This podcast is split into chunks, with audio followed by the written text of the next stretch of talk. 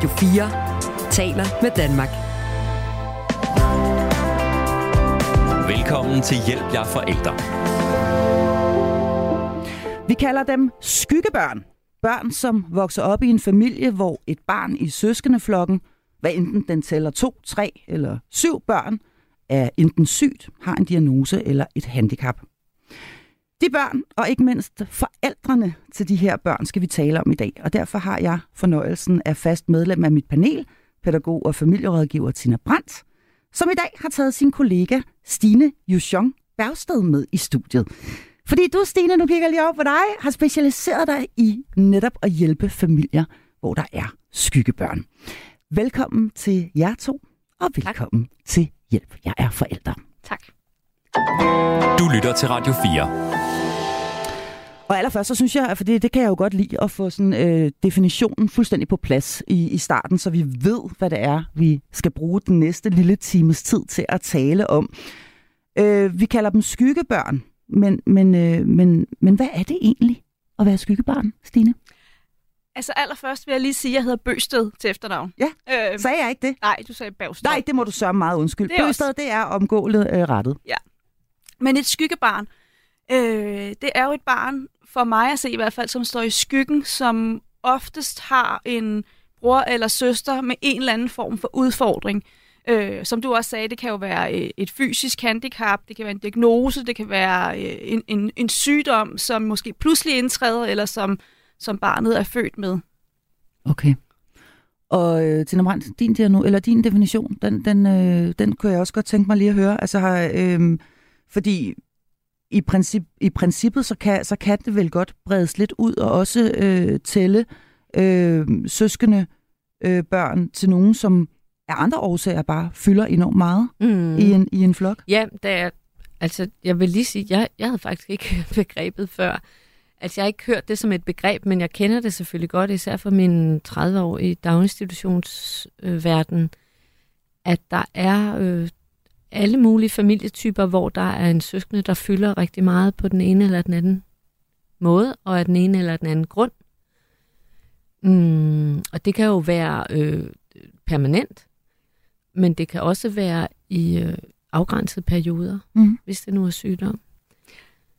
Ja, jeg ønsker at bruge begrebet søskende pårørende, fordi der er nemlig mange, som ikke kender det her skyggebørns øh, begreb, og, og mange øh, forbinder det også med øh, børn, som er i sorg, altså som har mistet en mor eller en far eller en søster eller bror. Der, der bruger det, bruges det rigtig meget, mm. øh, skyggebørn. Og det er derfor, jeg faktisk er interesseret i lige at få definitionen på plads her, inden vi går i gang med, med, med selve øh, samtalen, fordi øh, begrebet skyggebørn bruges altså også om børn, som for eksempel har mistet en øh, forælder eller en, øh, en søskende. Men i dag, der taler vi altså om, øh, om de børn, som har en søskende, som øh, af den ene eller anden årsag fylder rigtig meget øh, hjemme i øh, familielivet. Godt, så fik vi øh, det på plads. Øh, en lille tilføjelse. Jeg ved, øh, Stine Juchong Bøsted, og nu siger jeg det rigtigt denne her gang, at du simpelthen ikke bryder dig særlig meget om øh, udtrykket skyggebarn. Har det noget at gøre med denne her skygge, eller, eller hvorfor er det, du ikke kan lide det? Det er det blandt andet også, og så fordi, at, at øh, der er mange, der ikke kender det øh, det begreb. Så hvis vi ikke kender det, så, så tænker man måske ikke, det handler ikke om mit barn. Øh, hvor hvis du hører begrebet øh, søskende pårørende, eller bare søskende, altså for de er jo også bare søskende, mm. så kan man bedre relatere til sit eget barn. Når jeg er mit barn, er også en pårørende. Ligesom vi som voksne jo er pårørende. Mm. Og så fordi der måske i, i selve det her skyggebørn, altså det at leve i skyggen af nogen, også risikerer at være en eller anden form for stigmatisering forbundet med det. Altså når man så er man en af dem, som lever i skyggen, og det er jo ikke sikkert, at barnet nødvendigvis selv oplever det sådan. Lige præcis. Ja. Godt. Øhm, hvad er det? Øh, nu kalder vi dem søskende pårørende slash skyggebørn. Hvad er det, de her øh, børn øh, typisk oplever, eller kan risikere at opleve, når de lever i, et, i en familie, øh, hvor, hvor et af børnene altså af den ene eller den anden grund fylder meget? Øh, mange børn de giver i hvert fald udtryk for, at øh, de skal tilsidesætte egne behov. Fordi mor og far har rigtig travlt med barnet med, med særlige behov, øh, med skygge, eller ikke med skyggebarn, men med søskende. Mm. Øh, så, så det med at tilsidesætte egne behov, og, og måske ikke øh, blive set så meget, og få den kontakt lige så meget, som, som de godt kunne tænke sig. Jeg har et eksempel øh, fra øh, en familie, jeg har talt med i forbindelse med, at vi skulle lave den her udsendelse, at søskendebarnet mm, er så ked af, at det kun er barnet med vanskeligheder, der får lov til at være alene hjemme med mor og far. Hun vil også have alene tid sammen med mor og far derhjemme. Men når hun skal have alene tid med sin mor eller far, så er det altid uden for hjemmet. Og det er hun ked af, frustreret over, og nogle gange også vred. Og det er en lille pige på syv år. En lille pige på syv år, som altså som, som går og længes faktisk øh, efter noget, som jo for de fleste andre børn er, er helt almindeligt, nemlig at man kan være alene hjemme med sin far eller mor derhjemme. Ja, og sig selv. ofte, når, når man som forældre tænker, "Nå, men nu må vi også gøre noget for, for søskendebarnet, på, søskendepårørende, ej, så tager vi øh, barnet med i teateret, eller i Tivoli, eller øh, Legoland, og det, det er ikke det, som den her pige giver udtryk for, hun har behov for. Hun vil bare være hjemme alene med sin mor eller far. Ja, Og, eller øh, med, undskyld, eller ja, med begge to. Eller med, For det er der øh, faktisk så- også ja, mange søskende, der, der savner det der med at kan være sammen, alle sammen, Ja. eller have fokus fra begge mine forældre samtidig. Mm. Så simpelthen det her med at få lov til at, at have, sin, øh, have sine forældres opmærksomhed i virkeligheden, og deres fulde opmærksomhed. Ja, lige Ja. præcis. Ja. Er Og hvorfor, godt. kan, og hvorfor kan det være svært? Altså, hvor, hvor, hvorfor er det, at det øh, kan være svært i en, øh, i en familie, hvor der er et, et sygt barn eller et barn, som, som, som fylder rigtig meget? Men det kan jo være svært, fordi at, at barnet fylder, som du siger, det fylder rigtig meget. Øh, og man kan jo sagtens have lavet en aftale omkring, på lørdag, så skal vi alle sammen, måske i svømmehallen, fordi det kan hele familien. Men så sker der et eller andet med, med bror eller søster, som gør, at det ikke kan lade sig gøre at komme i svømmehallen. Og så må man igen dele sig op og sige, ved du hvad, det bliver med far denne her gang. Jeg bliver hjemme sammen med din storebror. Mm. Øh, og det er det, søskende gang på gang står i og skal ja, igen til side sætte egne behov og stå lidt på sidelinjen. Og altså naturligt, du siger, hvad var det, du sagde, hvordan opstår det? Altså naturligt nok er forældrenes opmærksomhed jo allokeret til, til det søskende, der har det svært. Og, og, hvis ikke, og hvis der er fred og fordragelighed og ingen far på færre, så kan alene frygten for, hvornår sker der noget, hvornår kommer den næste nedsmeltning, udfald, øh, hvornår skal mor og far køre afsted babu babu, fordi søster ligger på sygehuset med kramper, Mm. alt muligt. Og jeg ved faktisk, øh, Stine Juchon Bøsted, at du også, øh, udover at professionelt at beskæftige dig med det her, også har dine egne sådan, øh, personlige, private øh, øh, øh, erfaringer med det, så du ved virkelig, øh, hvad, det, hvad det handler om det her. Hvordan kan det være, at, øh, at, du, at det lige præcis var, var, var det, der, der, der kom til at optage dig så meget sådan rent fagligt? Jamen, det gjorde det, fordi at jeg har en søn, øh, som er 16 år i dag, men dengang han blev udredt øh, som 8-årig og fik sin autismediagnose, så, havde, så har han jo også en lillebror, øh, som stod på sidelinjen, og som ikke helt forstod, hvad handler det her om? Hvorfor er det, at min storebror bliver så vred? Øh, hvorfor er det, at han nogle gange kaster med ting? Hvorfor er det, at vi ikke altid... Hvorfor er det, at han må nogle ting, som jeg ikke må? Altså, hvorfor føles det nogle gange snyd? Mm. Øhm, og jeg havde svært ved at forklare ham, hvad er det her autisme egentlig for noget, så jeg kontaktede oprindeligt øh, vores kommune og sagde, er der ikke et eller andet tilbud øh, til vores lillebror? Øh, dengang var han 6 år, og øh, det kommunen vendte tilbage med var, at så små børn taler man ikke med. Så små børn taler man ikke med. Nej, Nej, men de stiller jo utrolig mange spørgsmål, sådan nogle seksårige. det gør de nemlig. Siger du bare, det taler vi ikke om. Nej, Ja. det gør Men det var ikke. simpelthen det svar, du fik fra, fra, fra kommunen. Ja, sådan nogle små børn kan man ikke tale med. Og så havde jeg det jo bare sådan, det skal simpelthen være løgn, fordi jeg er jo pædagog, og jeg er jo vant til at være sammen med børn. Jeg ved jo godt, hvordan man taler med børn, og, og der, derigennem fik jeg den her interesse for at beskæftige mig med søskende, fordi det var sindssygt svært at finde noget, noget materiale, eller noget, øh, nogle bøger, eller øh, nogle kurser for søskende. Øhm, og så udviklede jeg simpelthen mine egne kurser, øh, og startede med at lave kurser for de 6-8-årige søskende kurser. Mm. Så både for børnene, men selvfølgelig også for deres forældre. Ja, jeg har begge, øh, begge parter med på kurserne, Fordi lige præcis her har man mulighed for at kunne mødes, øh, eller have, have sam, være sammen med sit barn øh, 100% uden afbrydelse, fordi det andet barn med, med udfordringer er jo ikke med på kurset, så man har 100% opmærksomhed på, på, på, på søskende. Så alene det, kan man sige, der, der, det, der er en selvstændig pointe alene der, nemlig at man tager afsted med sine forældre og, og faktisk er alene med dem. Tina Brandt? Jamen nu har jeg lige opdaget, at øh, for eksempel Gentofte Kommune tilbyder noget tilsvarende. Men har du nogen idé om, øh, Stine, hvor meget udbredt det er? Altså, er der blevet mere af sådan nogle tiltag? Ja, der er, jo, der er jo heldigvis kommet mere fokus på det, men der er stadigvæk... Det er ligesom om, at vi kan bedre tale med børn og bedre øh, snakke med børn og arbejde med børn, når de bliver 10, 11, 12 år, frem for når de er 3, 4, 5, 6, 8 år. Øh, de er stadigvæk åbenbart svære at, at snakke med.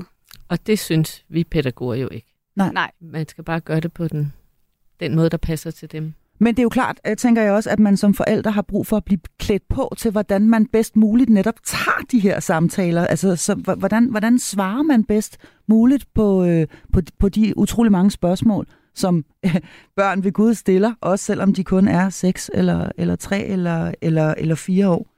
Øh, så, så det udsprang simpelthen af, at du kunne se, det, det her det findes ikke. Der, der, der, der, der mangler noget her. Der er et hul her, og du kom selv til kort. Og nu er du altså øh, øh, din egen øh, herre, med så må sige, og, og, og hjælper øh, øh, familier. Vi skal lige tilbage igen til det, som, som, som, øh, som børnene typisk oplever, nemlig det her med, at øh, forældrene naturligvis har utrolig meget fokus på, på den søskende, som er øh, fylder. Øh, lad os bruge det udtryk. Øhm, og, øh, og, og nu kom I med nogle konkrete ek, øh, eksempler øh, før. Men, men, men hvad, hvordan er det ellers, at de, de, de, de typisk reagerer, de her øh, skyggebørn? Altså, hvad, hvad, hvad, hvad, hvad, hvad er det typisk, du ser, Stine, når du, når du kigger på de her familier? Hvordan, øh, hvordan kan de så reagere? Altså, jeg ser sådan, børn har sådan to yderpoler af reaktioner. Enten så øh, bliver børnene rigtig meget, øh, meget tilpasset, øh, de indordner sig, de bliver meget øh, stille øh, og usynlige og nemme at være sammen med. Fordi de tager hensyn til mor og far. Eller også så ser jeg søskende, som er øh, udadfarende, udadreagerende, som er lidt mere øh, besværlige at være sammen med, som fylder i daginstitutionen eller fylder i skolen. Og, øh, så, så det er sådan begge yderpoler, og børn kan jo sagtens svinge mellem de to yderpoler. Men, men, men jeg plejer altid at sige til forældrene, at når vi ser børn, som reagerer sådan her, øh, det er helt klart nemmest at få øje på dem, der er udadreagerende, øh, så, så er det faktisk et signal til, at nu skal der ske noget. Vi bliver nødt til at sætte lidt mere fokus på søskende. Mm. Er der noget, du kan genkende, øh, Tina Brandt, det her med, at der kan være, at der kan være øh, øh, virkelig, virkelig stor forskel på, hvordan et barn øh, reagerer. Hvor, altså, hvor, hvorvidt det ligesom tilpasser og tænker, okay, der er en, der fylder, jeg går under radaren. Ja. Eller der er en, der fylder, jeg skal også fylde, for at overhovedet få en plads. Jeg har skrevet på mit papir her, inden vi kom, vrede, skråstreg, indadvendthed. Så ja, det, det er jo, øh, hvad skal man sige, det er jo typisk for børn, der sender signalflag om, at jeg har det ikke godt. Så kan det være øh, på de her to måder, eller det er yderpolerne. Og øh, jeg talte med en, en voksen, som, øh, som har en søster, der har været øh, alvorligt syg i mange, mange, mange, mange år. Og, øh, og han fortalte, at han havde udviklet sådan en, øh, altså en radar, altså lige præcis det med hele tiden at aflæse omgivelserne. Øh, er der far på færre? Hvornår sker der noget? Er der noget, jeg skal gøre? Skal jeg være usynlig nu? Skal jeg øh, gøre mor glad? Skal jeg... Øh, ja, altså, han synes selv, at han har rigtig meget empati, og jeg tænkte, jamen, du har måske også rigtig svært ved at mærke, hvad du egentlig selv har brug for, fordi du har hele dit liv øvet dig på at finde ud af, hvad har alle de andre brug for. Mm. Og du Ine står, står og nikker. Ja, du står og nikker, Stine. Hvad er det, det er noget, du kan genkende? Jamen, det er meget genkendeligt det med, at, at søskende øh, meget tiden har en føler ude omkring, øh, hvad er dagsformen for min søster og bror, øh, og hvordan har mor og far det i forhold til det. Øh, ja. Og så ser søskende jo også, at mor og far er presset. Ja. Og det gør også noget ved et barn at se sin mor og far øh, være så presset, som de er, og har meget, meget lidt overskud i situationer. Ja, for vi skal også huske, at alle mennesker, øh, alle børn øh, går jo rundt mere eller mindre bevidst med den her tanke, er der nogen, der kan passe på mig, hvis der sker mig noget. Og hvis man kan se, at ens forældre, dem der allermest skal passe på en, ikke har noget overskud, så kan man jo altså få angst øh, for at måske overlever jeg ikke, fordi dem, der skal passe på mig, de kan ikke passe på mig. Mm. Altså hvis det er ude i, i, i, i ekstremerne, hvor forældrene er sådan virkelig, virkelig presset, altså med, med, med faktisk, altså for eksempel et, et, et alvorligt, øh, alvorligt sygt barn. Jamen, øh, den her voksne mand fortalte mig, at, øh, at de første to år, hvor hans søster var syg, der var forældrene på, på hospitalet hele tiden, og noget af tiden blev han faktisk øh, sendt på sådan en slags kostskole, fordi de, de havde ikke overskud til ham. Og det, øh, det kan man godt forstå sætter sig i et menneske. Øh, jeg har lige et eksempel mere med den familie fra før. Den, den syvårige hende, som gerne vil være alene hjemme med både sin mor og far, det er nemlig rigtig Stine. Hun kan også have det her ønske om, at nu skal det være rart, og jeg skal være hjemme, og det skal være hyggeligt. Og så oplever hun, at det er det ikke. Og så beder hun om at få lov at spise alene inde på sit værelse fordi der, der er simpelthen for meget sidren i luften, kan man sige. Fordi der simpelthen foregår noget omkring, omkring det, det, det, det barn, altså hendes bror eller søster, som, som, øh, som er, som er ja. udfordret af den ene ja. eller den anden ja. grund. Ja. ja. Så, så hun, hun, hun også simpelthen trækker sig, øh, trækker sig, trækker sig væk fra det. Ja, og vi øh, ved jo, at jævnfør det med at, at blive passet på og kunne overleve, at vi har brug for fællesskab. Vi har brug for at være en ønsket del af et fællesskab. Så det er virkelig at gøre vold på sig selv og trække sig fra fællesskabet, men det er jo så en, en strategi, hun har for, at hun kan passe på sig selv eller overleve. Mm. Stine, du nikker igen. Ja, men det er fordi, det er så genkendeligt, det øh, Tina fortæller i forhold til, ja, hvordan man som søskende kan reagere. Jeg synes også, det er vigtigt at, at nævne, at når man står på den side som forældre og godt kan se, at ens barn tilsidesætter egne behov gang på gang. Øh, man overholder som forældre ikke aftaler med sit barn. Øh, ens barn giver udtryk for, at tingene kan være snyd. Øh, at man som forældre jo altid gør det bedste, man kan. Og heldigvis er der de fleste, langt, langt, langt de fleste forældre, jeg taler med, ved jo godt, at de har et barn, som står i skyggen øh, i familien, mm. og som har det, øh, som også kan være presset. Mm. Og det må jo altså helt naturligt afføde enorme mængder dårlig samvittighed. Altså nærmest en kronisk dårlig samvittighed. Sådan vil jeg i hvert fald have det. Sådan tænker jeg, at alle forældre vil have det. At man godt ved, når nu er det igen, øh, nu kalder vi ham Albert, der, der, der, der, der fylder det hele, øh, og, og, og Solvej, som, som lister af og spiser sin spaghetti inde på værelset. Æh, hvad, øh, fordi omvendt kan man sige, at det er jo nu engang bare det lod, der er. Især hvis der er tale om en diagnose eller en kronisk sygdom eller, eller, eller et, et vilkår, som, som ikke bare forsvinder igen. Så er det bare ens lod. Så hvordan pokker, øh, hvordan pokker finder man, finder man en, en, en balance, og hvordan pokker kan man overhovedet lære at leve med øh, i et familieliv, hvor det nu engang er sådan her, det er, uden at blive et op af dårlig samvittighed?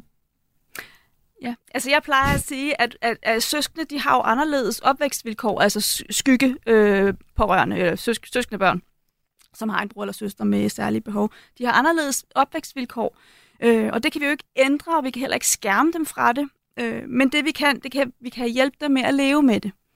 Øh, og vi kan hjælpe dem ved at blandt andet tale med dem om, hvad er det egentlig, der foregår hjemme i vores familie. Fordi ja. børn er eksperter i øh, at sanse og fornemme, hvad er det egentlig, der, er, der florerer her i luften hjemme hos os. Mm. Og eksperter i at og, øh, og, og også tilpasse sig. Ja. Og nogle gange tilpasse sig øh, for, øh, for meget. Så ja. godt, så vi skal, vi skal tale med dem, og vi skal jo også tale med forældrene. Øh, og det er jo det, øh, I begge to gør som familierådgiver, kan man sige. Begge to pædagoger og familierådgiver. Så I ved begge to en hel masse om, øh, om både om børn, men, men rent faktisk også om øh, familielivet sådan mere generelt. Ja, Jamen, jeg har et lille eksempel, som jo ikke handler om særlig behov, men lige præcis det der, som du siger, Stina, det, det her er et vilkår for vores familie. Altså, jeg har jo tvillinger, og øh, da de var babyer, så altså, vi taler så meget om, når man har øh, babyer, små nyfødte, så har de brug for tæt kontakt. Man skal have øjenkontakt, når man øh, giver dem mad eller bryst. Øhm, øh, børn skal sove til de vågner, og alt sådan noget. Men de regler var bare fuldstændig faret af bordet, når det gælder tvillinger. Dem må man gerne vække. Dem må man gerne øh, lade være at have øjenkontakt med, fordi man er jo nødt til at skulle overleve. Og det er bare et eksempel på, at alle familier har nogle vilkår. Mm. Og øh, selvfølgelig er der nogle ting, der er optimalt. Men nogle gange så tilsidesætter man, hvad man bør, også af hensyn til børnene. Altså mine børn, tror jeg nok, er blevet sådan nogenlunde velfungerende, selvom jeg var nødt til at give dem mad uden at have øjenkontakt, fordi at den ene var nødt til at ligge med en, en flaske under et håndklæde, mm. øh, mens jeg gav den anden mad. Nå. øh, men den der dårlige samvittighed, det ved jeg, vi har talt om mange gange i den her udsendelse, den er på en eller anden måde også et grundvilkår, øh, når man er forældre. Og den kommer i samme sekund, man føder, øh, bliver gravid, øh, sammen med øh, frygten for, at der skal ske ens barn noget. Mm. Men det at tale om det, det er i hvert fald første step, og jeg øh, har også siddet og, og researchet lidt, øh, øh inden vi skulle lave programmet her, og kan forstå, at en af de ting, man faktisk også ved er, er rigtig, rigtig godt, det er, at skyggebørn, øh, kalder vi dem, altså bare lige fortsat her, faktisk også taler med hinanden, altså med nogen, der har det ligesom dem selv. At de øh, øh kommer i, i, i grupper, ligesom man også laver øh, øh, sovgrupper og så videre med stor succes, men altså hvor man møder nogle ligesindede, nogen som, som, øh, som også har en bror eller søster øh, med en øh, diagnose, en sygdom eller, eller, eller et handicap. Øh, så, det, så det ved man jo altså rent faktisk, at, øh, at det her med at møde ligesindede og tale om det for guds skyld, det er, øh, det er noget, der, øh, der, der virker. I den forgangne uge, der har man i programmets Facebook-gruppe kunne øh, byde lidt ind, og man har kunne stille spørgsmål til ugens emne her. Og øh, et af dem, der er kommet, lyder sådan her. Jeg vil gerne vide, hvordan det eventuelt kan påvirke skyggebørn, både på godt og ondt, op til deres voksenliv. Hvad tager de med sig, både af erfaringer og måske også ar på sjælen? Og spørgsmålet til en million. Hvad kan man som forældre gøre for at mindske det svære for skyggebarnet, når man trods alt kun har to hænder? Og lad os lige tage første del af spørgsmålet først, og nu kigger jeg over på dig, øh, Stine. Øhm, ved man overhovedet noget om, hvad det kan trække af spor ind i et skyggebarns voksenliv? Altså, jeg har ikke set, der er forsket specielt meget i det. Øhm, nu har jeg jo øh, prøvet at finde noget, noget mere omkring det her, inden jeg skulle herind, i forhold til, hvad sker der egentlig, øh, når, når de her søskende bliver voksne? Fordi jeg har jo meget fokus på børnene. Øh, men hvad sker der egentlig? Hvad har der konsekvenser, når de bliver ældre? Og øh, jeg har talt med nogle søskende, øh, som er voksne i dag, men som jo går med denne her, øh, det er nok for meget at sige angst, men bekymring omkring, omkring hvem skal tage sig af, af min bror eller søster, øh, når min mor og far ikke kan.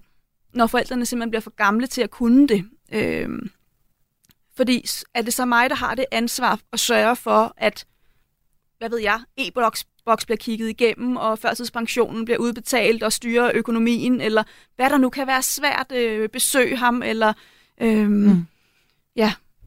Så der kan være det, altså en, en, den, den sådan praktiske, men som er også en følelsesmæssig øh, øh, sådan et, et, et, livsvilkår i virkeligheden ved at have øh, øh, sådan en søskende her, Tina Brandt? Den voksne, som jeg talte med, altså en voksen mand,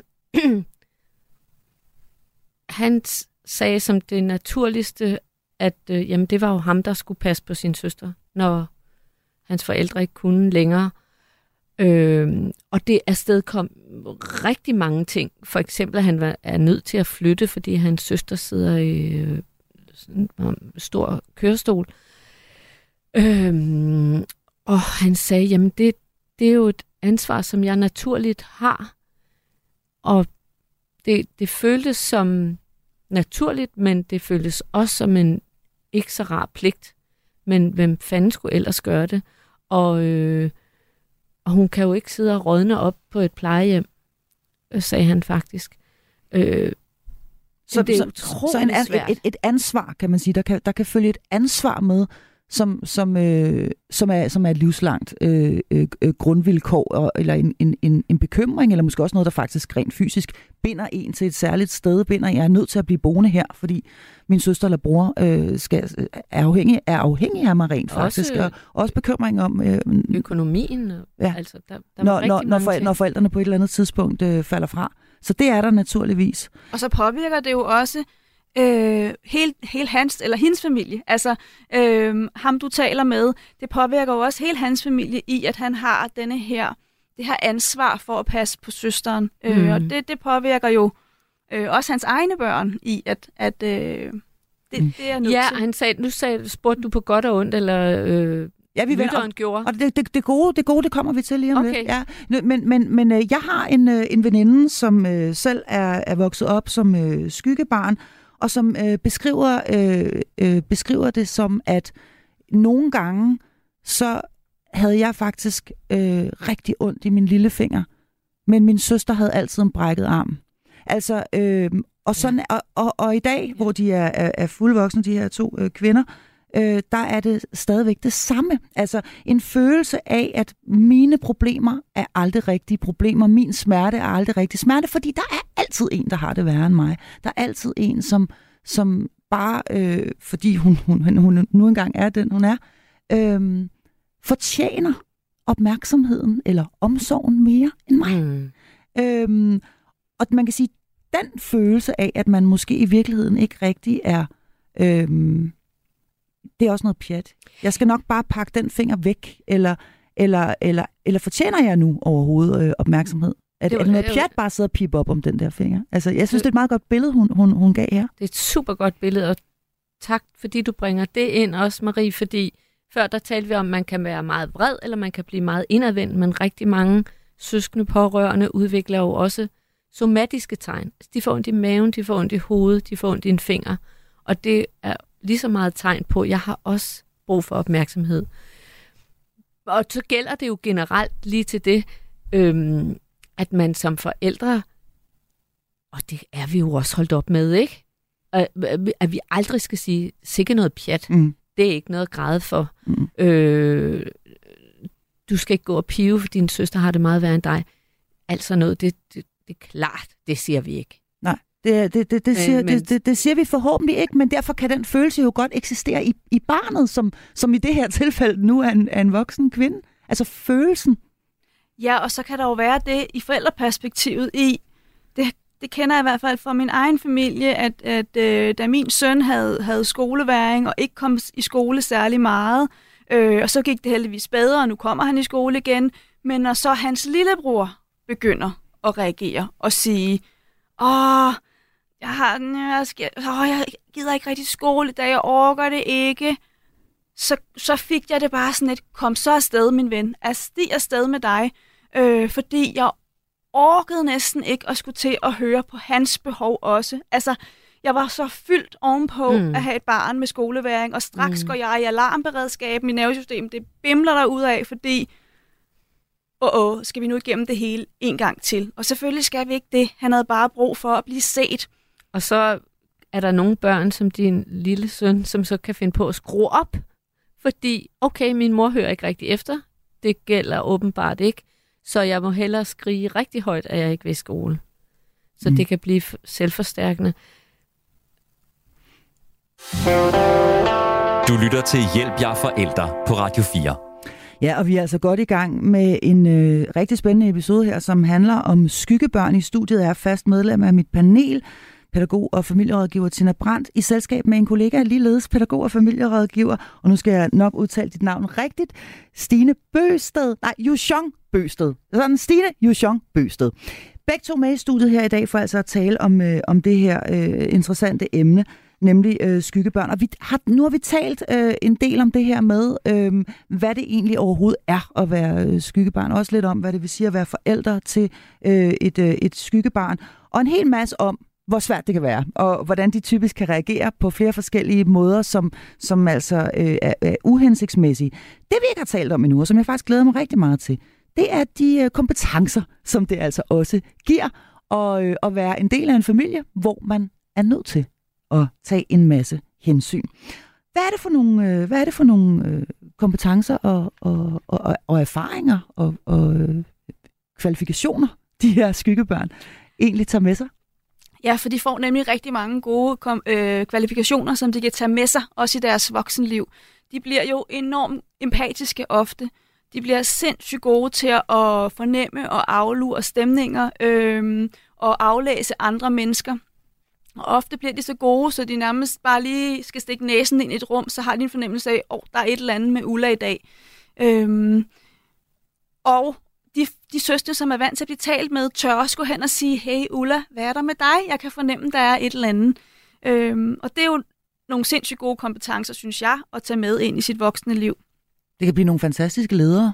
Ja. Det kan også blive, øh, altså den øh, fyr, som jeg har talt med i dagens anledning, han er blevet politimand, og det er jo også fuldstændig fantastiske kompetencer at, at have med sig. Og så er han også selv blevet far, og øh, han sagde, at det, det hjælper mig til at tænke rigtig meget over, hvad det er, jeg vil give videre til min søn, hvordan han kan gøre verden til et bedre sted ved at have opmærksomhed på andre menneskers behov. Og det var ret øh, meget kærligt. Kan man sådan lidt groft sige, at skyggebørn måske kommer til nogle af de her øh, kompetencer eller kvalifikationer, øh, måske på en lidt hård måde, men og ofte måske også før andre børn, øhm, fordi de simpelthen er tvunget til det af omstændighederne. De bliver rigtig gode til at læse øh, deres venner og veninder øh, i daginstitution og skole. Øh, de bliver rigtig gode til at komme hjem og sige, jeg tror, at Frederik han blev rigtig sur i dag, fordi et eller andet, øh, uden at læreren måske selv har helt opfattet af, hvorfor var det egentlig Frederik han blev så gal. Mm. Øh, Men også før andre får... børn? Altså er det jeres erfaring, at de også tilegner sig de her kompetencer før, før andre bliver, børn? Altså måske bliver lidt, lidt, lidt tidligt voksne, om man vil?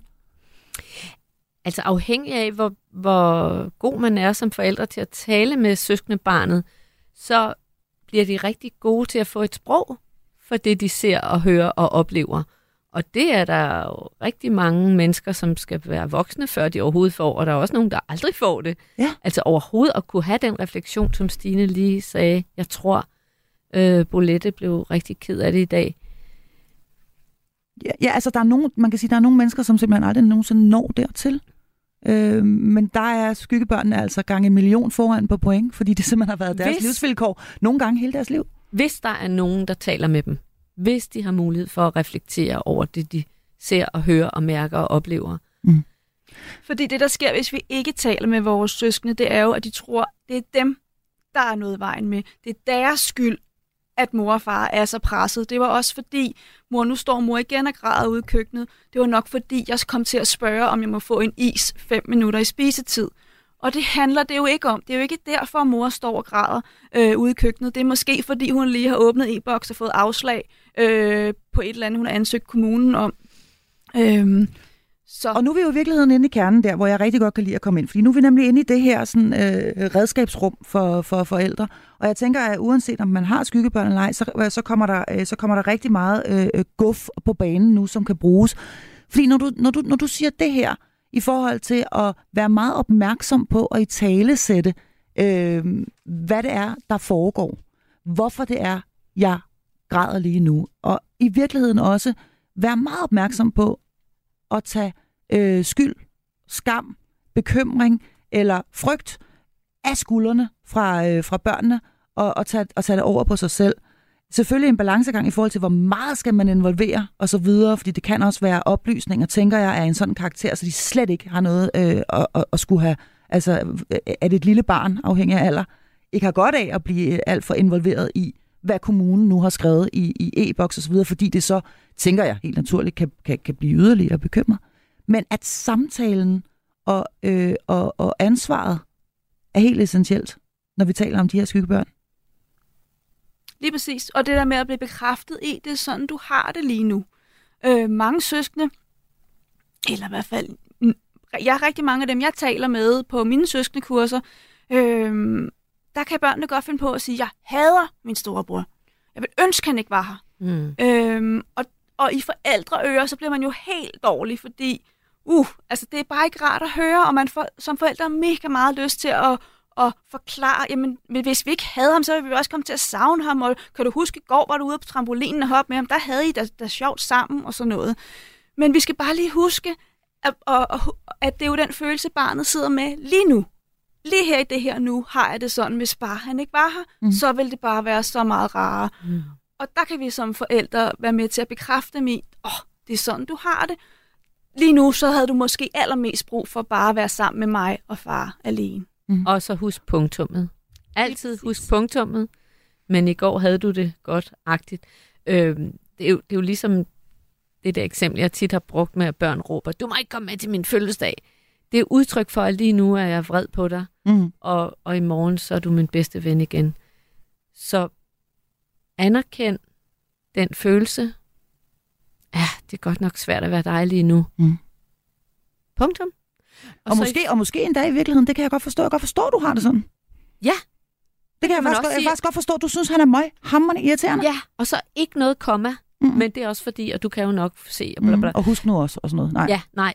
Øhm, og så sagde du, kan man tale for meget eller for lidt? Og det, det er jo virkelig svært, fordi jeg tror, vi er jo fortaler for, at, at vi skal ikke overoplyse børn. Og vi, almindeligvis, så skal vi først begynde at tale med dem om, om når de spørger. Mm. Men, Men- men lad os nu men vi tage har det nogle der- børn, der ikke spørger. Ja, men lad os nu lige prøve en gang at tage det her eksempel. Altså, fordi jeg synes, det er et super godt eksempel. Der er kommet et eller andet i, øh, i e-boks, og det har måske noget at gøre med, med, med, med, med, med, med ens øh, barn, som er, er, er sygt eller har en diagnose. Det, det, det barn, som, som, øh, som fylder. Og man bryder fuldstændig sammen, fordi man er tyndsligt, man kan ikke mere, man er, man er bare træt og stresset og alt muligt andet. Øhm, og det opdager søskende barnet så. Hvad, hvad, hvad, hvad, hvad vil være det bedste take her, uanset om søskenbarnet siger noget, eller bare lunder ind på værelset? Hvordan, hvordan følger vi op på denne her? Hvordan, hvordan, øh, hvad vil være det bedste at gøre? Altså som udgangspunkt, så vil jeg sige, at så skal der siges et par linjer omkring, hvorfor det er, jeg er så ked af det. Ved du hvad, det handler ikke om, du ikke, at du spurgte, om du må få en is. Jeg har bare lige modtaget en mail, som ikke var så sjov at læse. Slut. Slut. Er du enig, Jeg- Tina? Mm, jeg synes, man skulle gøre den lidt kortere. Ja. Og jeg så, at du så, at jeg var ked af det. Men ved du hvad, det har ikke noget med dig at gøre. Punktum. Men hvad har det så noget at gøre med? Hvorfor er du ked af det, mor? Ved det vil de jo spørge om. Hvorfor græder du, mor? Ja, det ved det. Jamen, det, det er ikke noget, der har noget med dig at gøre. Det er noget, som jeg skal tage mig af. Så Marie Tolstrup, øh, fast børnepsykolog i panelet her, vil sige, det er en voksen bekymring. Det skal du ikke Ja, bekymre dig om. Det er en voksen bekymring. ord. Det er en Mm. voksen bekymring. Er det den, der skal bruges her? Yes. Den, er, den holder jeg Det- selv så det- meget af at bruge. Ja, den er god. Tak, Super Marie godt. Tolstrup. Ja, ja men det, og det kan jo også være en, en, øh, det kan jo i virkeligheden være alt muligt, Det kan det men, nemlig. men hvor man ligesom øh, i hvert fald gør det fuldstændig klart, at det her, det er mit bord, øh, og det er ikke dit lille søde skat. Og Og tager så- ansvaret for, for børnenes skuldre i. Hey, det, det er ikke mig, det er ikke mig, det er ikke min skyld. Mm. Og hvad med, øh, der skal, der skal ikke at komme sige, mere? Hvis der skal komme et komma, så kan du sige, ja, lige nu er jeg ked af det, men, men jeg bliver god igen om lidt. Jeg bliver glad igen. Ja. Jeg bliver god igen om lidt. Jeg bliver god glad igen. Glad igen, ja. Mm, lige om lidt, så er jeg nok ikke så ked af det mere. Ja. Altså, det der, jeg synes jo ikke, der er nogen mennesker, der, der skal gå rundt og, og føle, at vi skal være glade. Altså hverken små eller store. Nej, så, Så- glad er måske for meget. Når, Ja, også, det er måske det også for meget faktisk. love, hvis man ikke ved, om man bliver glad Præcis. igen. Altså måske er det Ja. en virkelig, virkelig alvorlig situation, man står i. Ja. Jeg bliver ikke glad igen lige for, måske bliver jeg faktisk aldrig nogensinde glad igen. Øh, Men det tror jeg, så. Jeg bliver god, jeg bliver god igen. Jeg bliver... der, der Ja. får jeg lige lyst til igen noget, som han sagde, den øh, skønne politimand, jeg talte med. Han havde hørt sin mor sige, altså i løbet af de sidste 20 år, jeg er aldrig glad mere. Jeg bliver aldrig glad igen. Og det, det har han synes været, har været redselsfuldt øh, at rende rundt med. At hans mor har sagt sådan i forhold til hans søster. Øhm, også fordi nu har han et barn, altså hun har et barnebarn. Kunne, kunne, hun, kunne hun ikke være en lille smule glad for ham eller for mig? Eller, altså det der med at få at vide direkte, at jeg bliver aldrig glad igen. Hmm. Ja. Også selvom det er rigtigt, at Ja. det gør hun nok ikke. Det gør Nej. man jo ikke, hvis man har et barn med en frygtelig, frygtelig sygdom. Men pas på med at sige det. Så øh, hvor er du enig her, øh, Stine? Altså det her med, øh, at man måske skal passe på med at, at lukke skyggebørn, eller de, de resterende børn, de børn, som ikke er syge, øh, helt ind i ens kerne af sorg. Det er klart, vi skal jo ikke involvere dem i alle mulige detaljer, men, men jeg synes stadigvæk, det er vigtigt, og det er jo også det, jeg hører Tina sige, at vi skal, vi skal tale i overskrifter omkring, hvad er det, der foregår i vores familie, fordi børn er bare eksperter i at sanse og fornemme, hvad der sker. Øh, så vi kan lige så godt tale højt om det. Ja, det er rigtigt, jeg er ked af det lige nu, Mm. Det handler ikke om dig.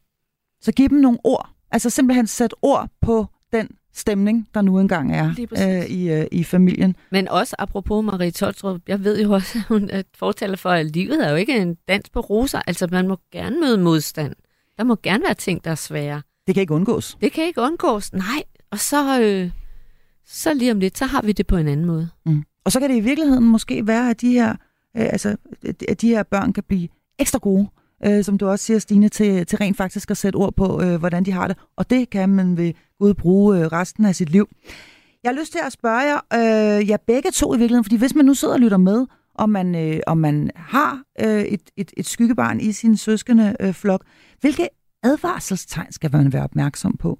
Altså, hvad, hvad, hvornår skal man som forældre reagere og sige, nu skal vi have noget hjælp her? ja, men altså, det er jo, som Tina også sagde, du sagde før, med psykotomatiske symptomer. Altså, det kan jo i hvert fald godt være en advarselstegn omkring, der er et barn, der har det svært. Altså, når de begynder at klage over ondt i maven lidt for ofte, og hovedpine, og måske ondt i lille, lillefingerneglen. Øhm, ja. Altså generelt skal vi altid holde øje med skift i stemning, adfærd, humør hos alle børn. Altså, mm, hvis barnet begynder at opføre sig øh, anderledes, end det plejer, og det, øj, hvor er det svært, ikke? For det, der kan være tusind årsager til det. Så er det, man skal have lupen frem på bedste Sherlock Holmes-stil, og sådan gå på opdagelse i barnets liv. Er der noget, der har forandret sig i skolen, i daginstitutionen, i vennekredsen? Altså, det, det kan jo være mange ting. Det behøver jo faktisk ikke at være, at man har en søskende, der fylder. Men hvis, man, hvis, man, hvis der nu er en søsken, der fylder, øh, fylder øh, derhjemme, så er det jo nærliggende at kigge øh, til sit eget familieliv øh, og se, at, altså, ja. har, har det været ja. presset herhjemme nu i så lang tid, at der rent faktisk nu, nu begynder at komme nogle, nogle reaktioner øh, hos, øh, hos de andre søskende? Fordi der kan jo være flere. Der og afhængig af, af barnets alder kan man snakke med dem. Åh, jeg, jeg har lagt mærke til, at, at du tit går fra middagsbordet. Mm.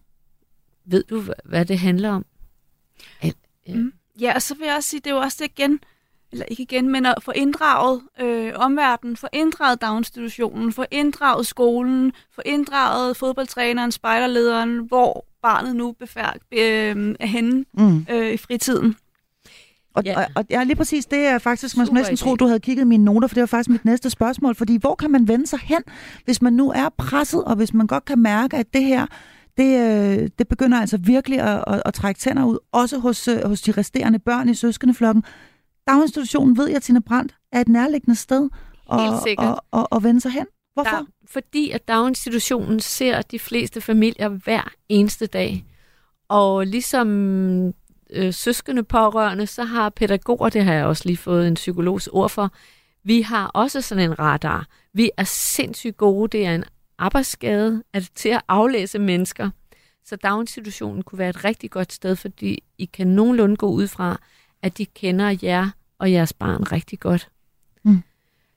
Og, øh, og selvfølgelig også skolen, og det kan være lidt sværere. Og så må jeg sige en ting mere, så øh, Stine har ret hånden op. Mm. Øhm, ræk ud, ræk ud, ræk ud. Altså, sig højt, jeg har brug for hjælp, vi har brug for hjælp. Vi kan godt komme til at have sådan en tendens til at synes, at det uh, hører til privatlivets fred, og vi skal klare os selv, og vi er en stærk familie. Men hvis man har nogen som helst i sit netværk, som man tænker, åh, oh, de har da lige lidt overskud, så skal man bede om hjælp. Mm. Og, ja, og det kan vi ved Gud grød være, være, være, være dårlige til øh, alle sammen.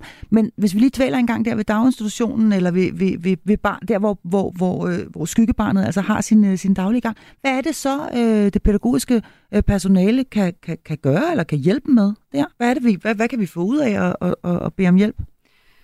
Jamen, og der vil jeg godt sige, jeg, jeg oplever jo, at der er rigtig mange øh, dag, dagtilbud, øh, skoler, som det kan godt være, at, at vi har lille Peter gående, og vi mås, ved måske også godt, at, at familien også har et andet barn, som har øh, en sygdom, øh, en diagnose, nogle udfordringer. Øh, de render ud og ind af hospitalet, eller hvad ved jeg. Men vi har jo stadigvæk fokus på lille Peter, og han han har det da fint i, i børnehaven. Han trives umiddelbart, han indgår, han har gode venner, og han leger med de andre børn. Øh, og der er det bare så vigtigt, at vi husker at få fortalt øh, børnehaven eller skolen, i skal bare lige vide, vi har også de her udfordringer hjemme hos os, fordi så kan man godt komme til at overse de her børn. Mm. Øh. Fordi de måske, også selvom de kan reagere øh, udadreagerende og, og være ret tydelige, men så tænker vi, at der er noget i vejen med barnet. Øh, sådan kan der i hvert fald være en tendens til. Og når så... du siger vi, så mener du de fagprofessionelle? Ja, det er rigtigt. Ja. Øh, så glemmer vi lige, hvad det er for en virkelighed, barnet egentlig står i derhjemme. Øh, og derfor vil jeg altid anbefale, at vi involverer alle, som barnet øh, har kontakt med, fordi det er måske vant til at komme sidst derhjemme, så er det måske også derfor, at det stiller sig hen i hjørnet og tænker, så skal jeg også være sidst i dag i børnehaven, når vi skal lege en eller anden øh, leg, hvor man skal stå på række. Mm. Øhm. Fordi det er jo det, jeg er. Det, det, det, det, det er det, der er min plads i køen, det er sidst.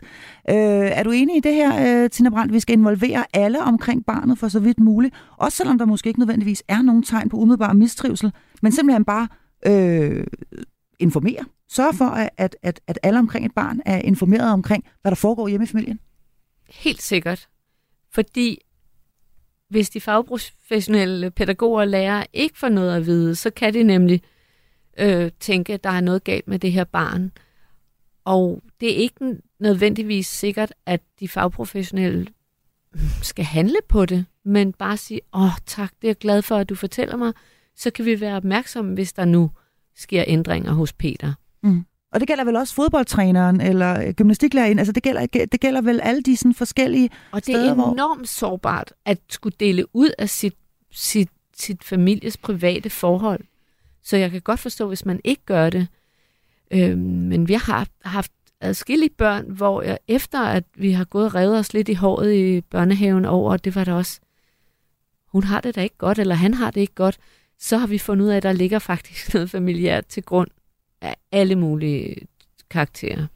Mm. Og jeg synes jo, de fagprofessionelle rigtig gerne vil hjælpe, når man kommer og siger, I skal bare lige vide, det er sådan her, vores familieliv ser ud øh, lige i øjeblikket. Så, så er der rent faktisk øh, hjælp at hente. Jeg sidder og tænker på, at, øh, at, at, at i en, en, en, en familie, hvor tingene måske er virkelig presset, eller, eller der er, øh, hvor det er, kan være rigtig svært at være, at så kan skolen eller daginstitutionen jo gå hen og blive et frirum, kan man sige. Det kan jo være, gå hen og blive øh, det sted, hvor barnet rent faktisk har frikvarter. Tina ja. Brandt. Nå, men det er noget, jeg tit har rådet forældre til, hvis de har øh, en pårørende, det behøver ikke være en søskende, med øh, altså terminal syge, øh, der skal være begravelse, der er et hus, der skal pakkes ned, det kan være alt muligt, så siger jeg, det vil være så godt, hvis du, hvis du afleverer Peter i børnehaven imens. Ja. Fordi at her er tingene ligesom de plejer, og det kan være rigtig rart for ham, at der ikke også her, øh, at, at der i alle aspekter af hans liv øh, sker nogle forandringer. Og, det, og i den bedste mening vil man som forældre sige, jamen, Peter er jo også en del af vores familie, han skal da være med i den her proces med øh, døde oldemor, eller hvad det nu kan være.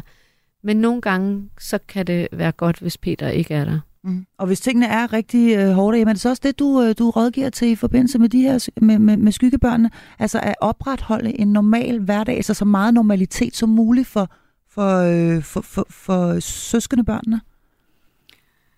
Ja, det tænker jeg, at, at det gør man jo automatisk, fordi man prøver jo som forældre og desperater at holde fast i en nogenlunde rutine og en nogenlunde hverdag, fordi hvis der er noget, man som forældre til børn med særlige behov ønsker, så er det bare en ganske almindelig levpostejs hverdag. Ja. Hvor at det største problem er, at vi ikke har mere mælk i køleskabet.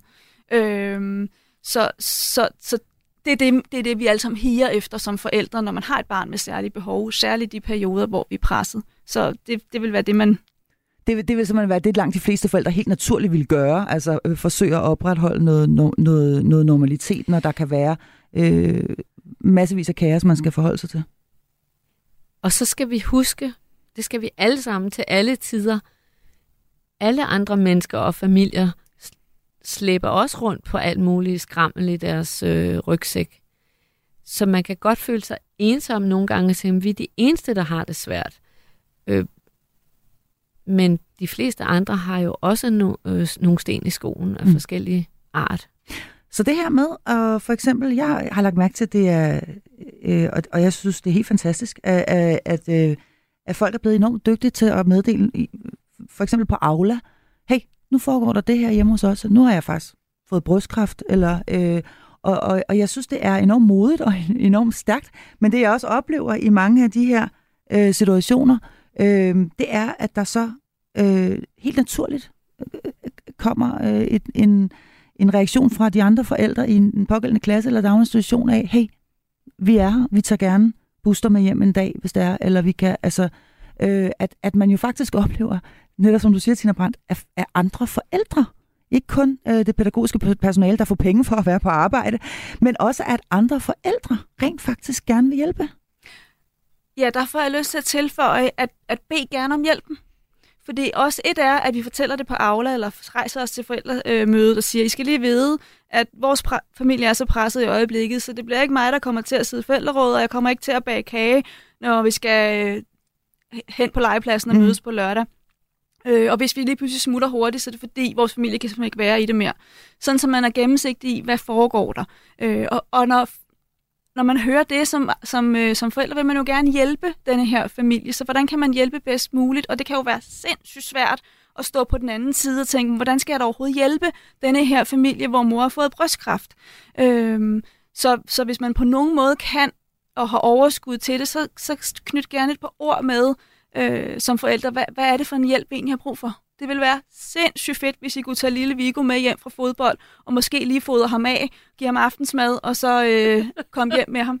Ja, øh, Nå, jo, men altså i virkeligheden blive så konkret som muligt i de her meget... Øh Øh, det, det, er jo, det er jo også meget at bede om, men omvendt kan man sige... Hvis men man omvendt, hvis jeg bedte dig om det, så tænker jeg, vil du så ikke sige, ja selvfølgelig kan det da jo. godt lade sig gøre, øh, at, at vi, vi sørger for den ordning hver onsdag eftermiddag aften. Men man kunne også vente den rundt og sige, at hvis man nu læser en af de her opslag på, øh, på, på Aula, eller, øh, eller hvad det, jeg, jeg kan ikke huske, hvad de hedder mere, Tabulex, eller hvad det er, de hedder, de her family, forskellige, øh, family og så videre, ja. øh, der hører til daginstitutionerne, Øhm, hvis man nu læser det her opslag, og, og, og, nu, og, og så kan det være, jamen hey, vi, har, vi er udfordret hjemme, fordi vi har et barn i flokken, som, øh, som, som, som har det rigtig svært.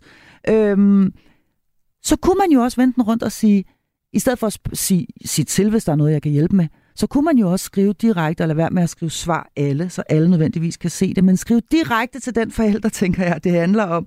Og så skrive sådan, øhm, hvad siger du til, at jeg tager booster med hjem på torsdag?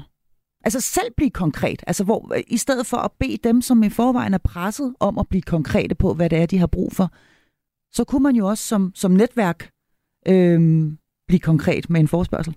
Helt sikkert, hvis man kan se behovet. For det er det, der nogle gange kan være så svært mm. udefra at se, hvad har de egentlig brug for? Fordi ja. de klarer det da fint. Mm. Øh, og, og, øh, og det er så almindeligt, at vi så siger, ej, du må endelig sige til, hvis du har brug for hjælp. Og det kan være så svært at ja, bede om den det hjælp. kan det nemlig. Ja. Og man hører sig selv sige det. Ja. Jeg er her, jeg vil gerne hjælpe. Ja. Du siger bare til. Men det er jo de færreste, der så rent faktisk gør det. Altså siger ja. til, ja. når de så har øh, brug for, ja. for, for hjælp. Øhm, endelig, fordi vi nærmer os jo desværre i programmets afslutning her, men så kan man jo altså også, hvis man synes, at det er uoverskueligt, og, og at man har brug for, for nogle, gode, øh, nogle gode råd, noget støtte, så kan man jo altså også øh, opsøge sådan en som jer, nemlig en, øh, en, øh, en, en familierådgiver. Helt kort, hvad er det, man får? Øh, hvad er det, man kan få hos dig, for eksempel, øh, Stine? Jamen, man kan få nogle, nogle nye øjne på, hvad er det egentlig, der rumsterer hjemme i familien, og så kan man også få sådan nogle helt jeg går ret meget ind fra helt lavpraktik. Hvordan får vi egentlig familien til at fungere lige nu og her, og samtidig også på længere sigt, så man kan få helt konkrete råd til, øh, hvordan kan vi egentlig gøre familienlivet nemmere, øh, så, vi, så vi passer på alle i familien, for det handler jo lige så meget om parforholdet og mor og far. Det er jo ikke noget, vi kommer ud på den anden side, og, og så, øh, så skal vi skilles, øh, fordi så står vi med endnu en, en udfordring. Ja, så bliver det hele bare endnu værre. Tina Brandt? Jeg synes også, man skal undersøge, øh, har tilbyder kommunen noget? Altså og hvis ikke man ved det, så allierer sig med daginstitutionen eller skolen. Findes der nogen offentlige tilbud af nogen som helst art, der kan hjælpe en familie som vores? Smadret godt. Det blev desværre alt, hvad vi nåede i øh, denne episode af Hjælp jer forældre. Jeg vil gerne sige tusind tak til både fast medlem af mit panel, pædagog og familierådgiver Tina Brandt, og til dig, Stine Jusjong Bøsted, som var med i studiet her i dag, ligeledes pædagog og familierådgiver. Emnet, det var skyggebørn, og mit navn, det er Marie Sloma Kvartrup. Tak fordi du lyttede med. Du har lyttet til en podcast fra Radio 4. Find flere episoder i vores app, eller der, hvor du lytter til podcast.